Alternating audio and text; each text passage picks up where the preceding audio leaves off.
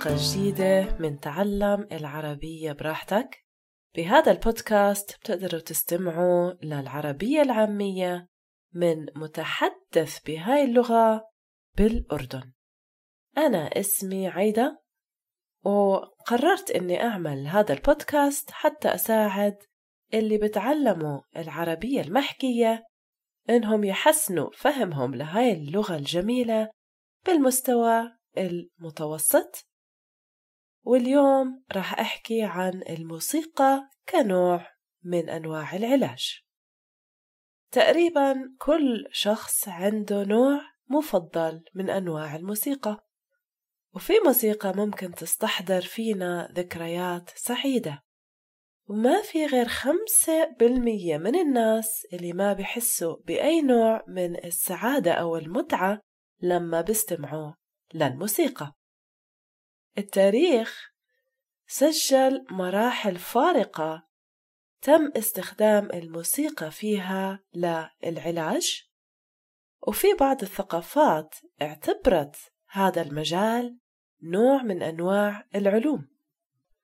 بعد الحرب العالمية الثانية العلاج بالموسيقى تم اعتماده رسميا بالمستشفيات اللي كانت تعالج الجرحى.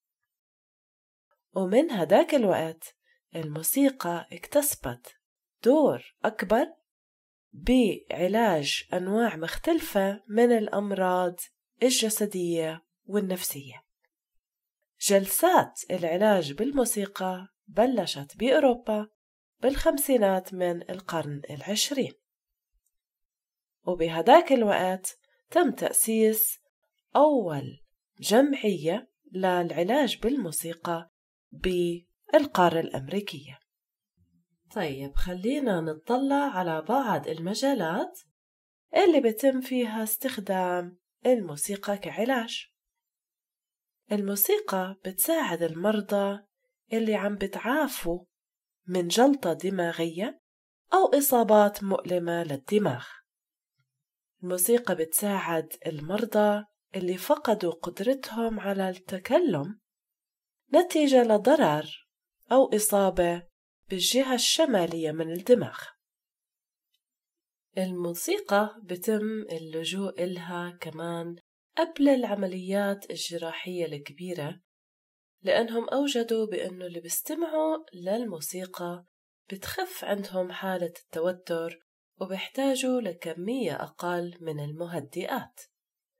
الموسيقى بتم استخدامها كذلك للتخفيف من الأعراض الجانبية بعلاج السرطان لأنه الموسيقى مش بس بتخفف الإجهاد المرتبط بالعلاج الكيماوي والعلاج بالأشعة كمان بخفف اللعيان اللي بينتج عنها.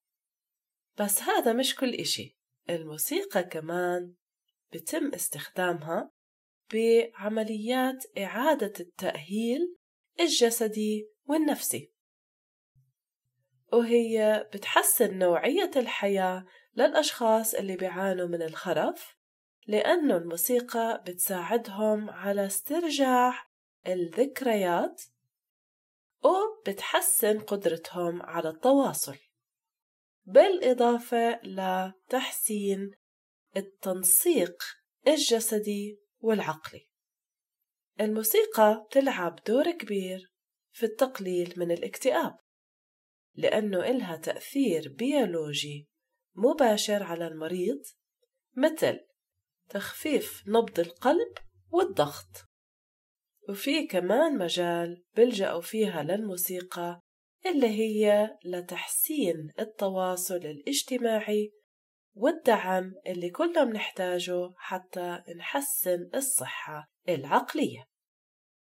فبالتالي الاستماع للموسيقى بشكل يومي يبدو بأنه وسيلة مناسبة حتى يخفف حالة القلق أو الانعزال بحالات الوباء أو اللي بتكون متواجدة لما ينتشر وباء.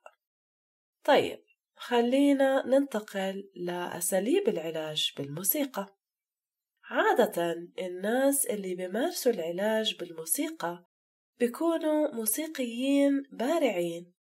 عندهم معرفة عميقة بجميع جوانب الموسيقى وكيف ممكن نستعملها حتى نثير استجابات عاطفية مختلفة.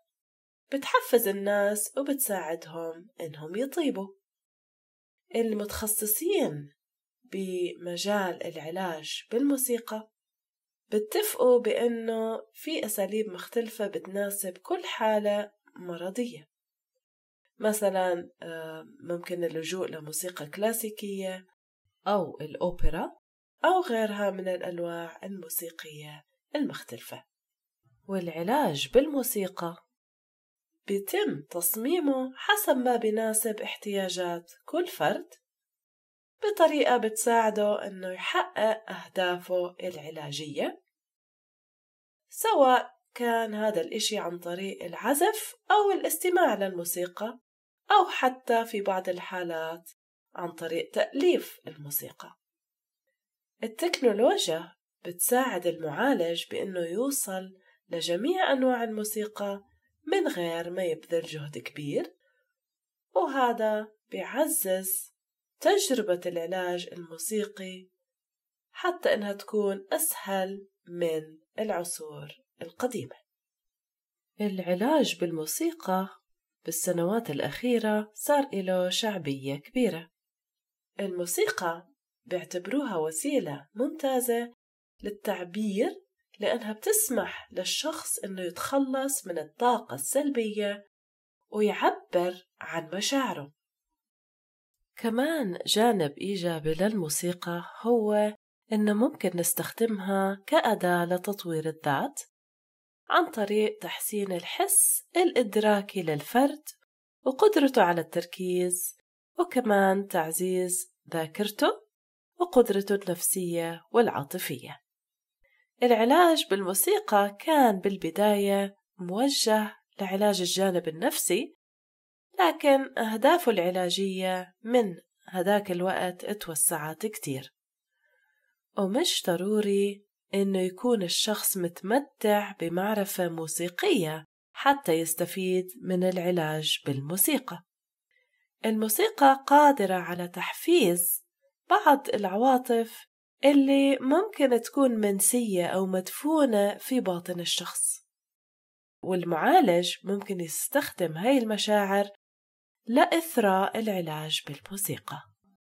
في كتير دراسات بيّنت بأنه العلاج بالموسيقى ممكن يساعد بتحسين الحالة المزاجية للشخص وهذا الإشي ممكن يكون له آثار إيجابية على المرضى بالمستشفى.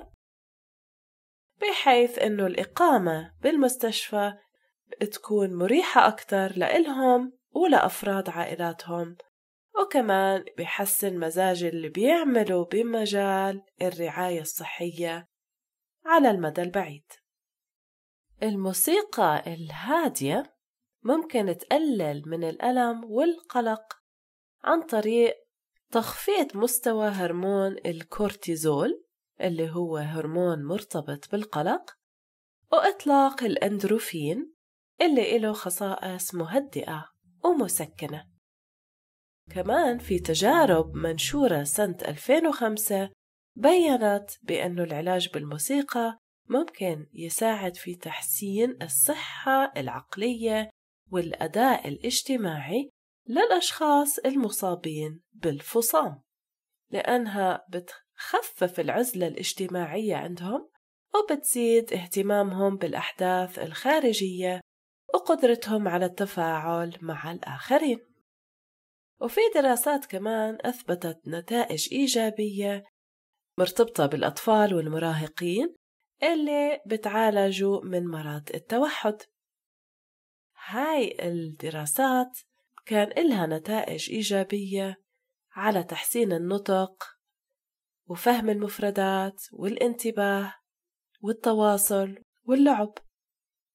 وآخر فائدتين رح أذكرهم للعلاج بالموسيقى.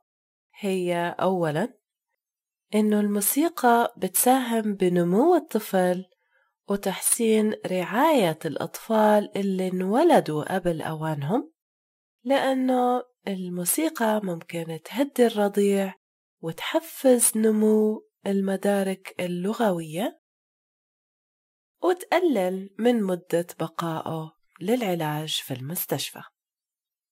والأخيرة هي تحسين التنسيق الحركي بالناس المصابين بمرض باركنسون.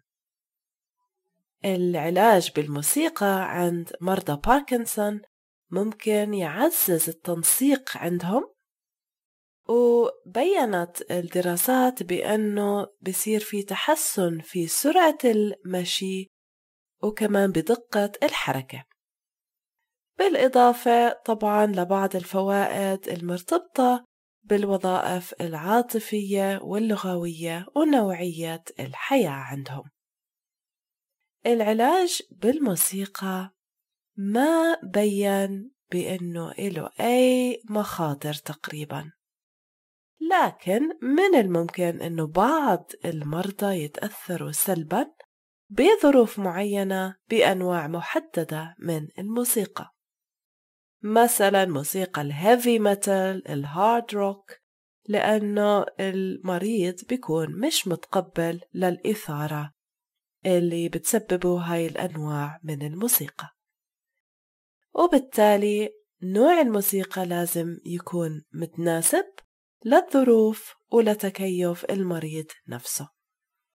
وكمان طبعا العلاج بتطلب شخص محترف ومعترف فيه حتى تصير الموسيقى وسيلة علاج حقيقية. وهيك بنكون وصلنا نهاية هاي الحلقة من تعلم العربية براحتك. بشكركم كتير لوجودكم معي. بتمنى تكون عجبتكم هاي الحلقة. وياريت لو تشتركوا بهذا البودكاست. وإن شاء الله بشوفكم في الحلقات القادمة. إلى اللقاء.